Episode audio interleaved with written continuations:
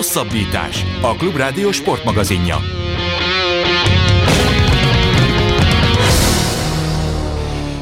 Sok szeretettel köszöntjük a Klubrádió kedves hallgatóit, ez a Hosszabbítás eh, magazin.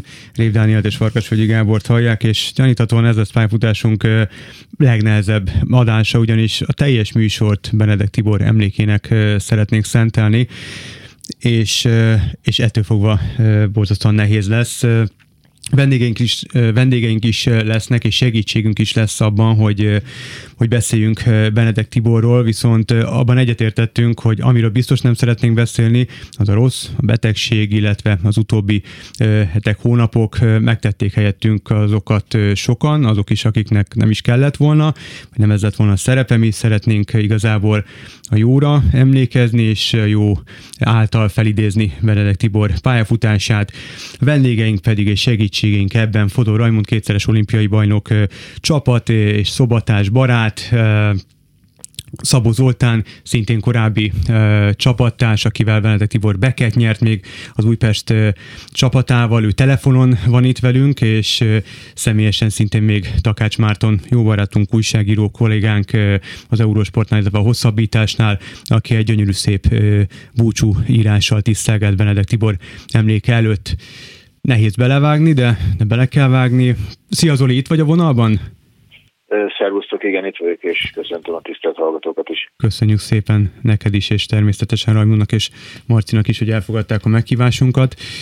Uh, nagyon sokat beszéltünk mi is a szerkesztőségben, mindenki nyilván barátaival, hozzátartozóival, hogy múlt hét óta egy ilyen, egy ilyen nyomottság, egy ilyen, ilyen, ilyen bénultság lett úrán mindenkin, szinte az egész országon. Uh, minek tudható ez, mi, mi az, amit, amit Benedek Tibor tudott, hogy ezt az egész országot egy, egy, egy másodperc alatt lebénította? miben volt ő más, mint, mint, a, mint a, a, a többi nagy sportoló, a többi nagy volumenű ember? Tisztelettel köszöntöm én is a hallgatókat és benneteket is, és Zoli barátomat is a telefon másik végén. Hát azzal kezdeném, ami igazából apropója ennek a műsornak a hosszabbítás, hogy bárcsak lenne hosszabbítás, ugye. Ez Tibor egész pályafutásáról, egész életéről, életére gondolok, hogy bárcsak lenne, hogy több lenne benne, bárcsak folytatódna még.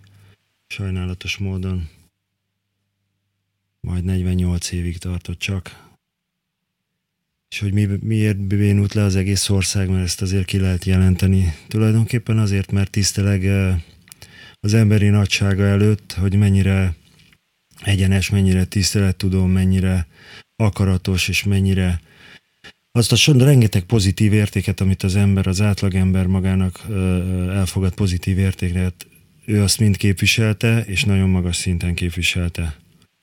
A pályafutását pedig nyilván az aranyérmek, a különböző titulusok, kupák és bármi más, amivel megjutalmazták, az bizonyítják, hogy, hogy tehetsége is volt a, a vízilabdához, de talán még nagyobb akarata, hogy mindazt elérje, amit elért ha, ha megpróbáljuk az elejétől kezdeni, tehát a fiatal koráról, korától, akkor Marcit egyszer azt nyilatkoztad, vagy azt írtad valahol, hogy te 7, 7 8, 9, 10 éves korod környékén döntöd el, hogy sportúságíró leszel Benedek Tibor hatására. Tehát fiatal kora óta figyelemmel kísérted a pályafutását? Tehát már a fiatal Benedek Tibor vízilabda pályafutását is figyelemmel kísérted?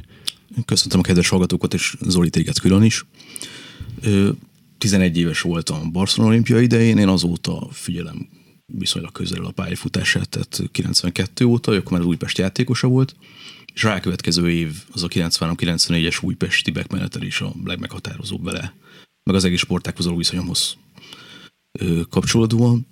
Ha nincs a Benedek Tibi, akkor szerintem most én biztos, hogy nem ülnék de valószínűleg sportúságíró se lennék. Nekem a Kovács Kokó István 91-es VB győzelem volt az első lökés, ami, a, ami azt idézte hogy sportúságok lenni, és a Tibinek a, a pályafutása eleje, vagy közepe, ami, ami volt még döntő tényező. Én azon az Újpesten nőttem fel, az a 90-es években Újpest a kedvenc vízabda csapatom, bocsról, ami egy feladistának. Én ilyet tudtam az UBS-be is, úgyhogy ez annyira nem mély, de... Szóval az a Benedek TV Talaton, harc legyen harc. Vince Balázs, Szabó Zoli, Máté Favicsaba, Gál Andris vezette Újpest, alapozta meg azt, hogy elköteleződöm valamelyik sportág, és így a vízilabda felé, úgyhogy ez egy tényleg nagyon régi kapcsolat. Zoli, ő már ott az Újpestben is fiatalként is már vezéregyéniség volt, vagy akkor még igazából egy ilyen betörésre váró, nem tudom, vadló, aki ontotta magából a gólokat. Milyen volt a, a fiatal Benedek Tibor?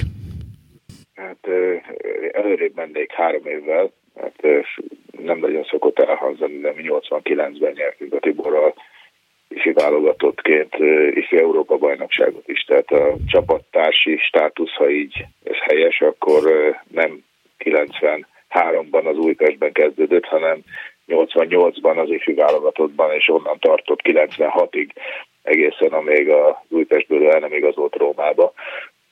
Hát én nem tudok olyan Benedek Tiborról, amelyik nem azonnal győzni akart, és azonnal ön megvalósítani akart volna. Talán csak a, a, a, ennek a kifejeződése volt más. Ő azért 16-17 éves korában csöndes győztes volt. Ő mindent megcsinált a vízben, Vargas volt a igazából, ha autentikus szemét keresünk, hogy elmondja, hogy milyen volt gyerekkorától élete végéig, akkor őt kellene megkérdezni, de azért talán mi is el tudunk mondani néhány dolgot. Tehát gyerekkorában ő nem volt központi személyiség. Ő csak tette a dolgát, és, és gyakorlatilag szép csöndben mindig a legjobb volt. A Kársiben is, és aztán az ifi és junior válogatottban is. És aztán ebből a szerepből nőtte ki magát azzá, hogy, hogy gyakorlatilag már szóban is, már hallhatóan is, és mindenki számára egyér, egyértelmű és vezéregyéniség lett. És, de ez nagyon sokáig megmaradt ez a, ez a szerintem helyes sorrend, hogy először csöndbe a pályán, és utána hangzatosan a, a parton lett ő vezér. Rajmond, te emlékszel arra, hogy az elején a pályafutásodnak, hogy egy néhány évvel vagy fiatalabb, mint amilyen idős ő volt, már akkor lehetett látni, amikor te akár 15-16 éves voltál, hogy Benedek Tibor egy szuper klasszisa lesz ennek a sportágnak? Igazából onnan lehetne indítani, hogy a 80-as évek szinte egészében, de a, a vége pláne egy nagyon-nagyon gyenge nemzetközi szintre helyezte a, a magyar vízilabdát. Nem nagyon voltak nemzetközi eredmények, sem klubokban, sem, sem pedig válogatott szinten csak apró momentumok voltak, mint például, nyilván nem apró az IFI Európa bajnokság megnyerése, amit az előbb 89-ből említett az Oli is, de mégis az az Újpest, ahol a Kásiből ugye odaigazolt a Tibi, az az Újpest, amit a Görgényi István vezetett, hogy milyen tornádóként és aztán pedig nyilván tájfunként robbant be nem csak a magyar vízilabdába, hanem a nemzetközi szintére is. Elsőprő volt az a gyorsaság, az a játék fölfogás, az a passzolási sebesség és pontosság, amit ők képviseltek ugye kialakult abban a, abban a, a gárdában egy bivaj erős jobb oldal, a Benedek Dalanicsovics fémjelezte balkezes sor, és aztán a, a Vince Balázs, aki mindenkinek álompaszt adott, és hát a Tiborral úgy passzoltak, mint az álom, tehát hogyha nekem valami gyerekként legelőször megfogott, az az, hogy nézem mondjuk Szegedem, mert nagyon sokáig én húztam a, a labdás kosarat a, a mérkőzések előtt, amikor még tényleg olyan telfölös szájú voltam, akkor, akkor nézted ezt a két klasszist, hogy, hogy eszméletlen módon magasan és bivaj erősen 10 méteres passzokat adnak egymásnak, amiből millió gólt lőttek. Tehát a Benedek Vince páros abban az Újpestben millió gólt lőtte e, ebből a pusztán egyszerű, adj egy jó paszt. Igen ám, de hogy? Tehát ők mind a játék sebességét, mind a, a taktikai variációkat azáltal, hogy három balkezes is volt a csapatban, e, európai szinten ugye nyilván előbb Lenkupa, utána pedig megnyerték a Becket, hát mondanom sem kell, hogy ez a, az a Beck győzelem, de már előtte a, a Reko ellen a Len kupa győzelem, de az a Beck győzelem, hát ez a Komjádiban a, a férfi öltöző felüli lépcsősortól egy méterre álltam valakinek a nyakában. Tehát én csak ennyit mondok erről, de az Zoli erről többet tudna mondani szerintem. Lehet? Jöhetek én? Hát, hogyne, hogyne. Tiborról beszélünk, és szeretnék olyanokat mondani, amik talán nem mindenki számára ismertek, de mégis nagyon jól leírják az ő személyiségét. Ha már a komédi lépcsőnél tartunk, imádott fürödni abban a légkörben, amit ott az újpesti szurkolók teremtettek, és ez nem volt egyedül az egész csapat ebben a mámorban fürdött, hogy meccs előtt egy órával telt ház, és amikor fölmentünk a medencéhez, akkor gyakorlatilag fölrobbant a lelátó, és Tibornak volt egy szokása, ő jött fel mindig az utoljára. Hát ez olyan természetes volt, mint a kétszer-kettő. Mi mentünk fel először, aztán szép sorban gyakorlatilag majdnem rangsor szerint a végén jöttek Dalatomi, Vince Balázs, stb. És amikor mindenki átment az eredményjelzőhöz, gyakorlatilag el kellett volna 50 métert a szurkolók előtt, Tibor akkor jött fel egyedül. És ott kifejeződött az a fajta elképesztő egyéniség, amit, amit a szurkolók is akkor elismertek. Tehát gyakorlatilag ott látszott abban a pillanatban, amikor még el sem kezdődött egy mérkőzés, de ő átjött a medence egyik oldalról a másikra, hogy aznap az a másfél óra, az a környezet, az ott az övé, és nem lehet másé. És ezt látták az ellenfelek is, ezt látta mindenki, és ezt ő a legnagyobb mértékben meg is érdemelte, hogy ezt megkapja. Nagyon-nagyon fontos része volt az életünknek a közönség, és az, ami tulajdonképpen a, még egy ember a csapatban.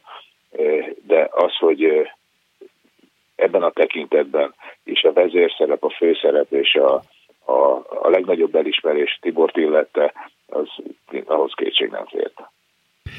Marci, te egy szintén Benedek Tiborról szóló írásodban lehet, hogy talán a, a, a búcsúírásban írtad azt, hogy hogy hogy került az Újpestbe. Ott, és említetted, írtad, hogy kevesebb pénzt ajánlott az Újpest, mint a másik két konkurens csapat. Miért az Újpestbe igazolt ő akkor? Miért az Újpestet választotta a fiatal Benedek Tibor? Azt mondta szó szerint egy nyilvános rendezvényen néhány éve, hogy hívott a Vasas, a Spartacus és az UTE. A Vasas és a Spartacus 20-20 ezer forintot ajánlott, az UTE 10 ezeret, tehát nem a pénz döntött. Ez is sokat elmondott Tibor. Azt mondta utólag, hogy azért, mert nagyon tetszett neki az a játék, amit az Újpest elkezdett a Görgényi Istennel játszani. Ha jól tudom, de ezt Roy meg tudja erősíteni, hogy ő kezdte azt a fizikai tornatermi edzés alapuló játékot alkalmazni, már minden minden ifi csapat csinált rendeket, szárazföldi munkát végeztek, nem csak a vízben gyakoroltak, ez 89 volt, tehát 31 éve. Tehát ő olyan, olyan fiatal hozott, korában, ő már annyira eltökélt volt, hogy tudta, hogy neki az a vonal tetszik, ő azt akarja képviselni, igen. és akkor... Ami talán furcsa, hogy úgy ment abba az új hogy ott volt a Dala Tamás, a Nicsovics Tamás két szuper balkezes uh-huh. játékos, olyan ment a harmadiknak, mert a Szabó Zoli is rossz játszott, csak ő jobbkezesként. Szóval nagyon jó jobb oldal volt a csapatnak, de nagyon tetszett neki, és hát szerintem ez egy igazolta a döntését, hiszen Igen. nagyon hamar vezérlett, és egy fantasztikus csapat lett Nekem mai napig bevillan, hogy Vince Balázs és Benedek Tibi egymást, tényleg egymást a passzolva megúsznak óriási hátrányba óriási előnyt harcolnak ki, vagy hátul véd a Máté Falvicsoba és indítja a Vince Balást, vagy a hát Benediktibit is a másik, a más, az egyik a másikat, és egy emberként az a négyezer ember, aki a komjádiba akkor tényleg be zsúfolott, úsz, úsz, kiabálnak, görög tűz van, tehát nem úgy, mint ma, hogy 122 ember van a komjádiba, és abból 99 családtag, hanem hogy tényleg egymás nyakán voltak az emberek. Ilyen, ilyen nem volt, és nem is lesz már talán a bronzuszodában. És ez egy olyan csapat volt szerintem, aki én ezt több helyen elmondtam, és sosem csinálok belőle a titkot, hogy, hogy nyilván sportban járatos, meg, meg a sportba dolgozó emberként szeretek minden sportot, de nem vagyok benne minden sportban, és a vízilabda is olyan, hogy fotelszurkoló vagyok, én ezt férfiasan bevallom, amikor nagy verseny van, nagy, nagy események, akkor leülök, megnézem, esetleg kimegyek, aki tudok, akár klubcsapat, de akkor a klubcsapatnak tényleg ott kell lenni a végén, a válogatott az pedig evidens női férfi, azt végignézzük. De, de bajnokikat nem. És valahogy ez az Újpest, ez tényleg megmarad bennem a Vince Balázs, a Benedek Tibor, hogy, hogy tényleg odalapoztam a nemzeti sportba, hogy na hány gólt lőttek, amikor már a Benedek Tibor külföldön játszott, na hány gólt lőtt, és, és érted, én ezt, ezt, ezt mondjuk az, az NBA-vel kapcsolatban csinálom, vagy a, vagy a labdarúgással kapcsolatban csinálom, de a vízilabda az valahogy, de, de Benedek Tibor nevét mindig megkerestem, oké, okay, meglőtte azt a nyolcat, na tovább. Tehát, hogy, hogy Most ugye a mérkőzéseket emeltük ki, hogy milyen magasságok, meg nemzetközi szint, meg minden. De képzeljetek el olyan Újpest edzést, ahol a, ennek az Újpestnek a kezdősora úszik mondjuk egy 20 százat. Hát ott, ott nem volt olyan, hogy az utolsó ember se tegye ki a lelkét, a szívét, mert, mert egyszerűen annyira hajtották egymást, és ennek a, ennek a hajtómotorja, az igazi hajtómotorja a Tibor és a Balázs volt, de, de főleg a Tibornak ez a karizmája, ez a, a, a, amit is mindig is bármit is csinált az életben, az ellentmondás nem tűrő volt. Tehát, hogyha ott 20-szor 100 volt teljes erőre, akkor ott beledöglöttél, és, és, és ö, tényleg az első 5-6 ember válogatott szinteket úszott, és válogatott is volt nyilvánvalóan ebből adódóan, de hát én, mint fiatalon, 17-18 évesen bekerültem abba a válogatottba, ahol ez az Újpest adta a gerincét annak a 93-tól 96-ig lévő korszaknak, és, és edzőtáborokva velük úszhattam együtt, tehát már ez önmagában, hogy ott úszhatok a, a Vince meg a Benedek között mondjuk, tehát ez már egy hatalmas szó volt, és számomra az én karrieremet nagyon-nagyon meghatározó pár év volt. De az, hogy utána, hogy fejlődtem, olykor-olykor meg is tudtam őket csípni na akkor ők is érezték, hogy oké, okay, ami eddig volt, az jó, de nem elég. Uh-huh. Én is tudtam őket egy picit inspirálni, és, és ebből aztán tényleg a minőség még jobb minőséget produkált, és én, én nagyon hálás vagyok a sorsnak is, hogy ebbe, ebbe, a, ebbe a 30 évbe kerültem én bele. Zoli csapattársként a színfalak mögött milyen volt Benedek Tibor? Tehát amikor nem edzés volt, vagy nem, nem, nem meccs volt, hanem mondjuk edzőtábor, vagy, vagy versenyre utaztatok, ő milyen volt a, azokban az üres órákban, napokban, amikor, amikor nem meccs volt, nem edzés? Tehát amikor csak úgy csapattárs Benedek Tibor volt. Ment az Rika, ment a poénkodás, vagy ott is nagyon összeszedett volt, tehát ő úgy le tudott lazulni? Visszacsatolnék még, ha szabad a Persze, minden szabad. témákra, mert talán olyanokat tudok mondani, amik talán érdekesek és megerősítik Tibornak a karakterét. Az egyik az, hogy talán pontosításra szóló, de amikor 89-ből oda került az UT-ba a Kásiből, akkor nem ketten voltak előtte, hanem rögtön eh, összesen négy balkezes volt, és ott volt a Nicsovics és a Dala, és ők ketten a Varga Zsoltal mentek oda a Kásiből, és a Varga Zsolt is balkezes volt. Tehát gyakorlatilag a, az ország eh, legjobb eh, négy balkezese, vagy a, a tízből biztos, hogy az egyik négy, aki a legjobb lett utána, az ott játszott és ebbe a konkurencia harcba simán belement, hogy ő, ő ott szerepeljen. Ez az egyik. A másik az úszásnál, amit Rajmi említett. Kevesen tudják, hogy Tibor nem tudott bukófordulózni. Ami, ami azt jelenti, hogy minden fordulásnál, amikor úsztunk, akkor lemaradt egy méterrel a falnál. Hiszen a normál fordulóhoz képest a bukóforduló ennyi előnyt ad. És ő így is megvert minket sokszor.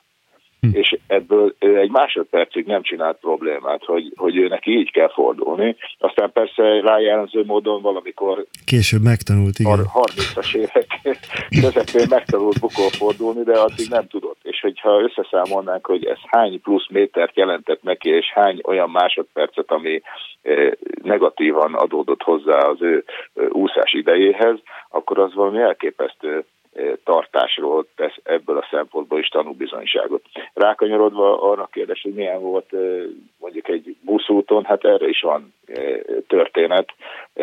Gál Andrissal mindig próbáltunk valamit hát valami poénzéka azért mindig volt, és hát az is egyszer kitalálta, hogy, keressünk valamit, amit, amiben jobbak vagyunk a Tibornál. Ez azért nem volt könnyű feladat. És akkor egy benzinkúton azt javasolta, hogy vegyünk egy ugyanolyan fülest, mind a hárman, és keresztfejtvés fejtő bajnokság, kinyitjuk a valahagyadik oldalon, és hát ha abba megverjük a Tibort a keresztény rejtvés fejtősbe, jelentem sikerült. Tehát ebben jobbak tudunk lenni egyszer mert soha többet nem játszottuk ezt, mert a Tibor ezt is olyan komolyan vette, hogy gyakorlatilag az rejtvény újság az valahol darabokban landolt a, a valamelyik kukában. Bátorítólag azért az Andi elmondta neki, hogy ha legközelebb ilyen teljesítményt nyújt, azért a utolsó oldalon ott van a megfejtés, azt tud segíteni. Na hát ebből lett aztán a, a következő rejtvényújság, amelyik a kukában landolt, de folyamatosan ott is, ha versenyhelyzet volt, ha lehetett bármiben versenyezni, ő abban benne volt. Ha meg nem, akkor olvasott, akkor, akkor visszavonultan is tudott úgymond létezni, de hát mindenféle szempontból a versenyhelyzeteket kereste, és, és hát mindenben nyerni akart a pályán kívül is. Meg mindenből versenyt csinált. Tehát tényleg, ahogy az Oli is felvezette, én még a sakkot említeném ide. Már bőven jó vízilabdázó volt, amikor így rákapott a sakra. Utána olvasott, utána járt, stb. Igor Milanovic szerintem az az, az, az alak, a kétszeres uh, jugoszláviai uh, szerb származású világklasszis center, aki, aki Rómában őt így rávette így a sakkozásra, és onnantól kezdve egy, egy kis Dilliévé vált, és mindig volt nála az utazásokon egy ilyen kis összehajtható, tudod, ilyen kis saktábla, mm-hmm. kis bábukkal. Hát nekem egyszer azt hiszem megvertem. Tehát ebből is látszik az ő stratégiai gondolkodása, tehát buta lépésére nem nagyon emlékszem, pedig nem keveset sakkozgattunk. Mindig nagyon megfontolt volt, hogy is mondjam, tehát ez, ez, ez is őt jellemezte. Megtanulta eleve, mert nem tudta fiatal korában, megtanulta, és azt mindig, mindig szépen fejlesztette vitte tovább előre, és mindenből versenyt csinálta, ahogy az Zoli is mondta, mindenből. Nagyon szerette a társas játékokat is, úgyhogy nagyon jó volt vele így összemérni a tudást, vagy nem tudásomat. Van még a híradói körülbelül mennyi egy percünk. Marci belekezdett, és aztán gyorsan híradózunk egyet, aztán folytatjuk. Gyorsan csak az Olinnak a bukófordulós sztoriára kapcsolódnék rá, hogy az, az egész pályafutását jól elemzi az, hogy hátrányból indulva is óriási előnyt tudott ö, szerezni. Tehát ugye ő nem volt olyan tehetséges, ez ő maga mondta el, mint a Varradom vagy a Kásás Tamás, uh-huh. ami szorgalmas volt. Lámpaoltásig, és még azon túl is volt az úszodában, vasárnap is, nyáron is, akkor is, hogyha nem tudott vízilabdázni. Ezért lehet azt mondani, hogy egy sport ágak és korszakok felett álló példakép és etalon, mert a határdöntögetésre nincs még egy ilyen példa. Szerintem az egész magyar sport történetében, hogy egy ilyen hátrányból induló sportról ilyen magasságokig eljusson, és úgy, hogy nem volt kiemelkedő tehetség. Elmegyünk híradózni, és aztán természetesen a híradót követően folytatjuk a Benedek Tibor emlékműsorunkat. Hosszabbítás. A Klubrádió sportmagazinja.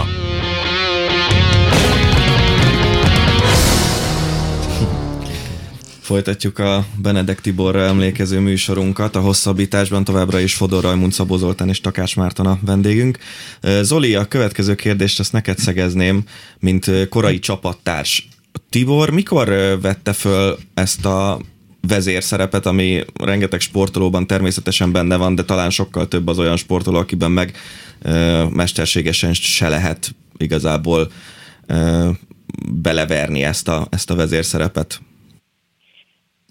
Hát amennyiben a, a játékáról van szó, akkor nem kell neki felvenni, mert az mindig jelen volt. A kívülről történő pályán kívüli vezérszerep, az pedig talán akkor jött meg neki, akkor megérezte annak az igényét, hogy motiválja a, a csapatot és a csapattársait azzal a hihetetlen attitűddel és emócióval, amivel ő rendelkezett, hát gyakorlatilag a hétköznapi életben is, de meccsek előtt mindenképpen. Tehát én azt gondolom, hogy a, az első ilyen megnyilvánulásai azok mindenféleképpen ott az Újpestben a meccs előtti meccsek előtti, mert azért ez se apró tehát nem mindig volt ilyen, de amikor úgy érezte, hogy kellett, akkor azért megnyilvánult olyan módon mérkőzések előtt, hogy ott nem volt kétség senkiben sem, hogy most fölmegyünk és, és győzünk, mert egyszerűen nincsen más lehetőség.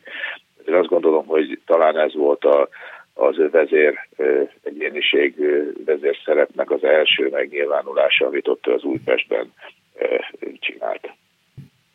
Ha egy picit ugrunk az időben, akkor, akkor Újpest után jöttek az olaszországi évek, és ami nagyon érdekes, hogy Rajmut, te, te nem csak csapattárs voltál, hanem ellenfél is voltál. Milyen volt Benedek Tibor ellen játszani, az ellen a csapat ellen, ahol ő játszott? Tehát akár neked ez mit okozott benned, illetve a csapattársaidban láttad rajtuk, ha esetleg félnek, tartanak tőle? Tehát akkor volt egy olyan aurája, ami úgy, úgy megbénította az ellenfeleket?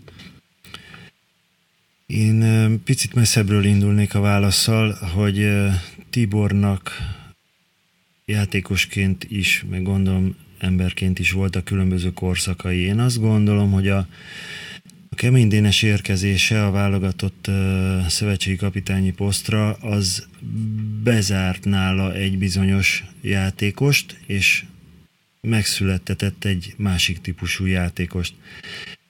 Ezt konkrétan úgy, tudném, úgy tudnám számokban kifejezni, hogy megszűnt egy, egy gólkirályi címre törő, rengeteg gólt lövő, de nem biztos, hogy a csapatával nyerő Benedek Tibort, aki tényleg rengeteget edzett, és, és fantasztikus világklasszissá érett már akkor. De a Dénes azt kérte tőle ugye a 97-től, hogy szép jó dolog sok gólt lőni, de mit ér az, ha nem nyersz. És uh, próbálta a, próbálta Tibivel mélyen beszélni többször is, hogy értse meg, hogy ez, ez majd később jó út lesz. És aztán ugye nyertünk 97-ben Sevillába, utána a VB ezüst, utána megint Firenzébe arany, világkupa aranyok, és, és uh, nyilván idővel a Tibinél is, ugye a bölcsesség útján ez lejött, hogy igen, nem mindig kell nekem gólkirálynak lenni, nagyon sok jó gólpaszt is lehet adni, és, és a csapat nyer, és aranyéremmel térünk haza. Azért mondom itt ezt a váltást, ezt a 96-97-es évadot, amikor a Tibi kiszerződött ugye Rómába az Újpestből, mármint szerintem mármint világsztár, hogy abban a szezonban a Rómában így végeztek az első két helyen a góllövő listán, hogy Massimiliano Ferretti 101 gól, Benedek Tibor második 99 góllal. A harmadikat nem tudom, hogy hívják, de hogy 20 góllal volt lemaradva, az is biztos. Csak azt képzeld el, hogy a Róma, mint sztárcsapat, két játékos a 200 gól egy idényben. És ebből a Tiborból alakult át egy egy csapatsegítő, ugyanakkor bár, bal keze bármikor elsült, és a helyenként négy-öt gólt lövő, tehát megmaradt gólzsáknak is, de mégis hatalmasat lépett előre, azáltal, hogy egy iszonyú komplet játékos legyen. És ez gondolom kellett hozzá, amit én gondolok, hogy kellett hozzá, hogy a Dénes annak a 75-76-os generációnak, aki ott be, belépett 97-ben a magyar vízilabda első vonalába, hogy, hogy a Tibor akkor így tudja őket segíteni, illetve mi így tudjuk a Tibort segíteni. Mm-hmm. Marci, ezt egy ekkora egyéniség, egy ekkora géniusz, hogy fogadja, amikor, amikor igazából az egyik legnagyobb erősségét kérik meg, hogy fogja vissza és, és alakítsa át teljesen a játékát. Ezt könnyen vette? Ezt nem tudom, mert a Rajmi biztos többet tud mesélni, nyilván nem esett neki jól, hogy aztán az első edzés után, amit Dénessel tartott válogatott, ezzel fogadja őt az új szövetségi kapitány, akivel azért kevés kapcsolata volt de szerintem beláttam, mert egy intelligens ember volt, és működött, mm. meg mhm. kell nézni. Hát már egy évre rá, sőt fél évre rá működött.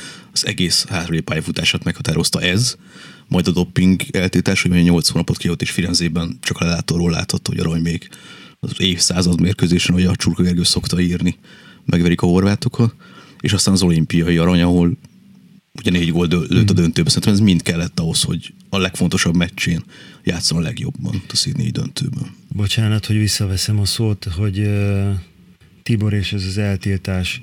Én uh, ugye a Firenze csapatát erősítettem abban a, azokban a hónapokban, és Katániában volt egy ilyen felkészülési torna a VB után, azt hiszem, de nem is ez a lényeg, hanem hogy a Tibor nem játszhatott. De a Tibor a csapatának a mérkőzés idejét, tehát a bemelegítés, szárazföldi bemelegítéstől a mérkőzés végéig a kapu mögött edzett. Senki nem álltott mellette, senki nem mondta, hogy mit csináljon. A Tibor végig edzette, de úgy, hogy már délelőtt megcsinálta ezt egyszer. És este újra. Ugye beszélgettünk, hogy ez a szituáció sajnálatos, mit tud, mi, mik az új hírek, elmondta nagyjából, hogy persze van remény, van remény, de hát majd mit tudom, a következő ítélet az nem tudom, egy hónap múlva lesz. Tehát uh, valami fény mindig derenget neki, de biztosat nem tudott az, uh-huh. hogy nem tudom, volt egy fix dátum, és akkor addig tart ez az egész, aztán újra minden klapol. Semmit nem tudott. A nagy bizonytalanság kellős közepén volt, tizenvalány hónappal egy olimpia előtt, igazából pályafutása egyik legfontosabb olimpián, ő akkor volt a zenitjén, abszolút pály, az a karrierje zenitjén, és nem tudta, hogy megye, nem megy, mi lesz, hogy lesz. De ugyanígy, ugyanúgy fogta magát, és csinálta, és a munkába vetett hitét soha nem vesztette el. Arra emlékszel, hogy a csapat hogy reagált ezekre a hírekre, amikor először eltiltották, illetve amikor kiderült, hogy Sydneyben ott lehet az olimpián?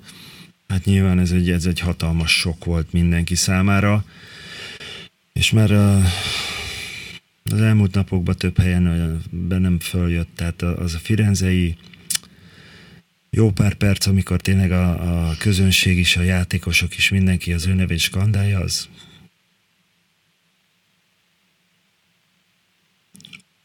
Hát igen, erről beszéltünk, hogy ez nem lesz egy könnyű műsor. Nem. A, Zoli, az, arról mesél nekem, légy szíves, és majd Rajmundról is, Rajmundról is ugyanezt szeretném megkezdeni. Említettétek ezeket a lelkesítő ö, vezérszónoklatokat, azokat a beszédeket, amiket lenyomott egy-egy ahogy említetted, kiemelkedően fontos mérkőzés előtt, mert azért megválogatta, hogy mikor vegye elő ezt a ebéli tudását a tarsójából. Ha nem is, nyilván nem lehet ezeket szó szerint idézni, de van olyan, ami, ami hogy nagyon megmarad benned, és ha igen, akkor, akkor miért? Sok gondolat jött az elmúlt pár percben. Válaszolok erre, aztán hagyd mondjak még az előző témához néhány gondolatot. Tibor nem volt a szavak embere soha nem a, a mondani valójának a tartalma volt az, amivel magával ragadta fiatalon, főként a csapattársait, hanem egész egyszerűen az, hogy egyszer ránéztünk, az, az, a, az a, az aura, ami őt körülvette, ami, ami ilyen hihetetlen szuggesztív módon az ő mondani valóját előadta, az volt a domináns. Én nem emlékszem olyan szövegtartalomra, amit mi el is vesztettük ott a fonalat, tehát nem volt olyan, hogy most tudnék idézni tőle, hogy mit mondott. Később szövetségkapitányként igen, másképp kommunikált a játékosokkal, de kezdetben játékosként szimpla emóció, és mm-hmm. elég is volt az, amit közvetíteni tudott ebből. A, visszakanyarodva még talán arra, hogy mikor lett ő csapatjátékos, és hogyan e, csapódott ez le nála, hogy e, hát nem feltétlen egyéni sikerek útján vezette a csapat sikerhez a, e, az út. E, neki volt egy előadás sorozata, nem tudom hány helyen lehetett őt megnézni, győzelem ára volt a címe, és 97 e, késő ősszel Szegeden volt alkalmam végighallgatni őt. Az egyik bejátszó, ami az ebben az előadásban megjelent, az a 96-os Atlantai Olimpia elődöntőjének a vége. Ugye 7-6-ra kikaptuk a spanyoloktól, és az utolsó magyar támadásnál a Tibornál volt a labda. És saját bevallása szerint neki nyilván meggyőződése volt, hogy ezt a támadást neki kell befejezni, és a támadás úgy ért véget, hogy hárman körülvették, elvették tőle a labdát, és, és vége lett, és nem jutott döntőbe a magyar csapat. Ez volt az egyik olyan momentum, amikor, amikor az lehetett a benyomás, hogy, hogy nem biztos, hogy neki kell mindent megoldani. Uh-huh. Aztán persze Persze jöttek azért vissza, és saját bevallása szerint is azért a dopingeltiltás volt az, ami végleg beterelte a csapatember státuszba. Talán még, ha ide tartozhat, és, és elfér egy személyes élmény, és a Tibor személyiségéhez mindenképpen hozzátartozik egyfajta megközelíthetetlenség. Abban az értelemben, hogy talán nem is éreztük magunkat méltónak hozzá, ahhoz a teljesítményhez és ahhoz a munkához, amit ő elvégzett, és, és amit ő tudott. Személyes élményen egyetlen egy pillanatig, talán három percig éreztem magam egyenlő szinten lévőnek vele, ez pedig 97 áprilisban volt egyszer, amikor hazajött Rómából, és vége volt a Nemzetközi Kupa versenyeknek, mi megnyertük az utéval a Lenkupát, ketten maradtunk a, a szigeten a lelátón, és akkor úgy gondoltam, hogy helyén való, hogy én ezzel elbüszkélkedett neki, hogy én gólkirály lettem a Lenkupába, és akkor ők mellette is egyik mondott, hogy na jó, én meg a kegbe, és ez a rá jellemző félmosoly, hogy, hogy még mindig egy szinten följebb volt, akkor is, amikor én a legmagasabban éreztem magam. Tehát fontos volt azért ott is, hogy a, a, még, hogy a, hogy a gól királyság meg legyen, de, de aztán ez szépen átment a csapat, csapatkapitányságba és csapatemberségbe. Még egy olaszországi történetet mondanék, az ami eszembe jutott, ami nagyon jól elemzi a Tibort azoknak is, akik esetleg nem követték a vízilabda pályafutást, ez egy parton történő dolog volt. Már ekkor játszott, amikor csak azért felkelt nem is egyszer hajnali ötkor, hogy reggeli edzésről a fokacsa receptjét megtanulja egy mestertől. És aztán itthon már egy főzős műsor csináltak is valami pannival, megmutatta a saját éttermében, hogy ő erre is képes volt. Semmi köze vízilabdához, de így mm. mutatja, hogy ha ő valamit elhatározott, akkor azt Az keresztül vitte. És azt is megtanulta, tehát egyetlen dolgot kivéve ezt a betegséget, semmi nem tudta legyőzni.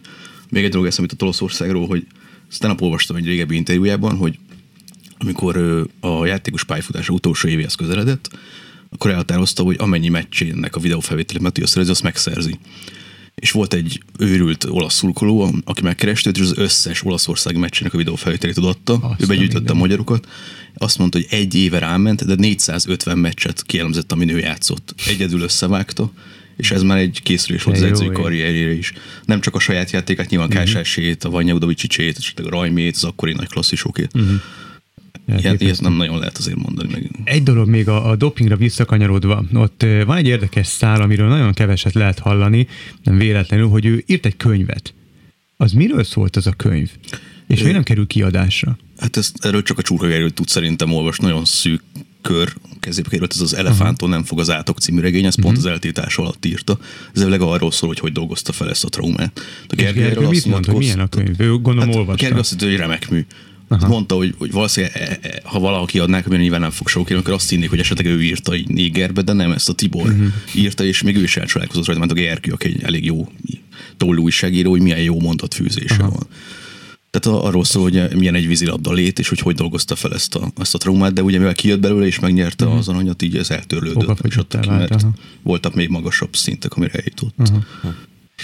Térjünk át a válogatott beli időszakára. Raimond, milyen volt ő szobatásként? Tehát um, nekem ez a fixa ideám, és, és remélem, hogy ezzel nem bántok senki, de hogy az én szemben egy, egy egy makulátlan bajnok, aki, aki mérhetetlen eltökéltséggel megy előre az általa kikövezett úton, és, és próbálja megnyerni az összes létező címet, és begyűjteni minden sikert. Tehát egy ilyen eltökéltség, ami, ami vele kapcsolatban az eszem egy, egy mérhetetlen komoly valaki. Ő le tudott lazulni? Tehát ő, ő poénkodott, amikor szobatás megviccelt téged bármikor szobatásként?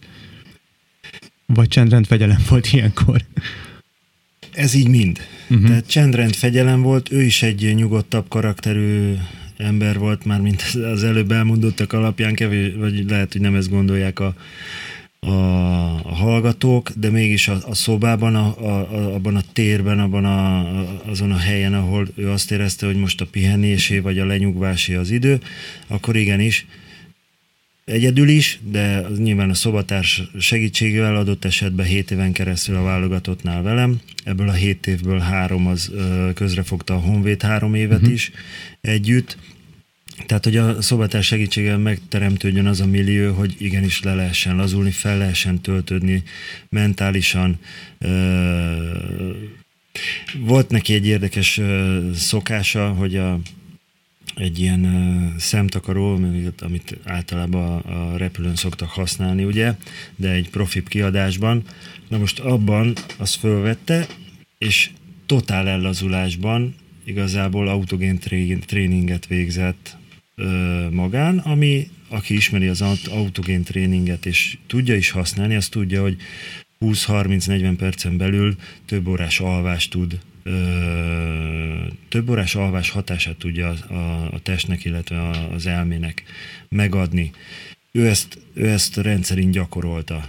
Tehát a délutáni pihenőkön én többnyire alvás, aludtam, én az, az, annak a híve voltam, ő pedig nem aludt, olykor-olykor igen, de de többnyire az autogén tréninget választotta például. Aztán, hogy milyen szobatárs volt, hát komolyan, mint egy, mint egy tényleg nagyon jól működő házasság, olyan egy ilyen sztori, tehát megértettük egymást, tudtuk egymás határait, tudtuk egymás limiteit. Mind a viccben, az előbb uh-huh. rákérdeztél, volt viccelődés, persze, volt zrika, anélkül egy nem vízilabdás a vízilabdás, ez természetes, de mindig tudtuk, hogy, hogy hol a határ, hogy minden, mik az érinthetetlen uh-huh. témák, mik a jó ö, poénforrások, stb. De ezen túlmenően vízilabda, vízilabda és vízilabda. mert uh, egyszerűen nem fogytunk ki témákból, elemeztünk játékost, elemeztünk a csapategységet, hogy éppen hol tartunk, mennyire erős, kit látunk gyengébbnek, kinek kell esetleg pozitív töltés.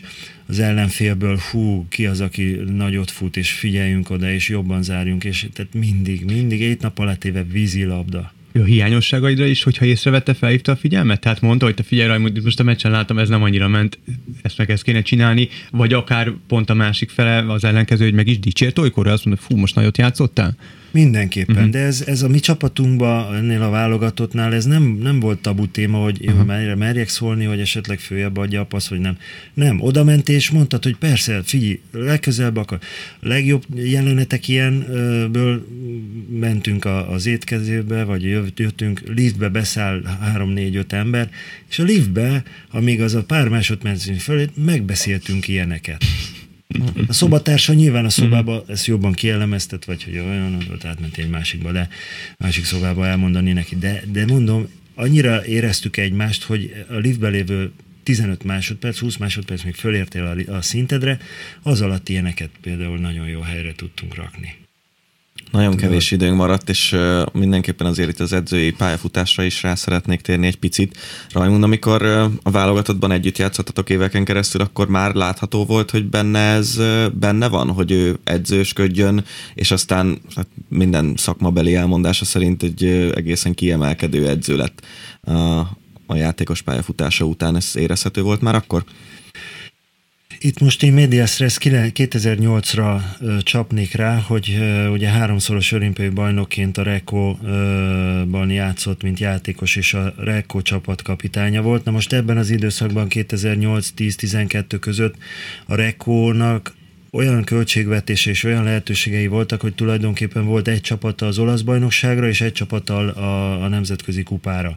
Tehát tula, majdnem 30 játékos foglalkoztatott a klub, és ennek volt ő a, a, a vezér, a Pino Porciónak is a jobb keze, akit egy nagy stratégának gondolok, mint edző, és a Tibor már ott ezt megmutatta. Nem véletlen volt a, a Dénesnek a telefonja is, hogy akkor jöjjön, és legyen majd az ő segítője már-már mint felvezetője, hogyha majd a Dénes átadja a, a karmesteri pálcát a szövetségi kapitányi posztról, hogy akkor a Tibor legyen a következő, és emlékezzünk, szerintem mindenki tisztán emlékszik rá, amikor ez bekövetkezett, egyszerűen nem volt appelláta, hogy akkor igen, a Tibor a következő.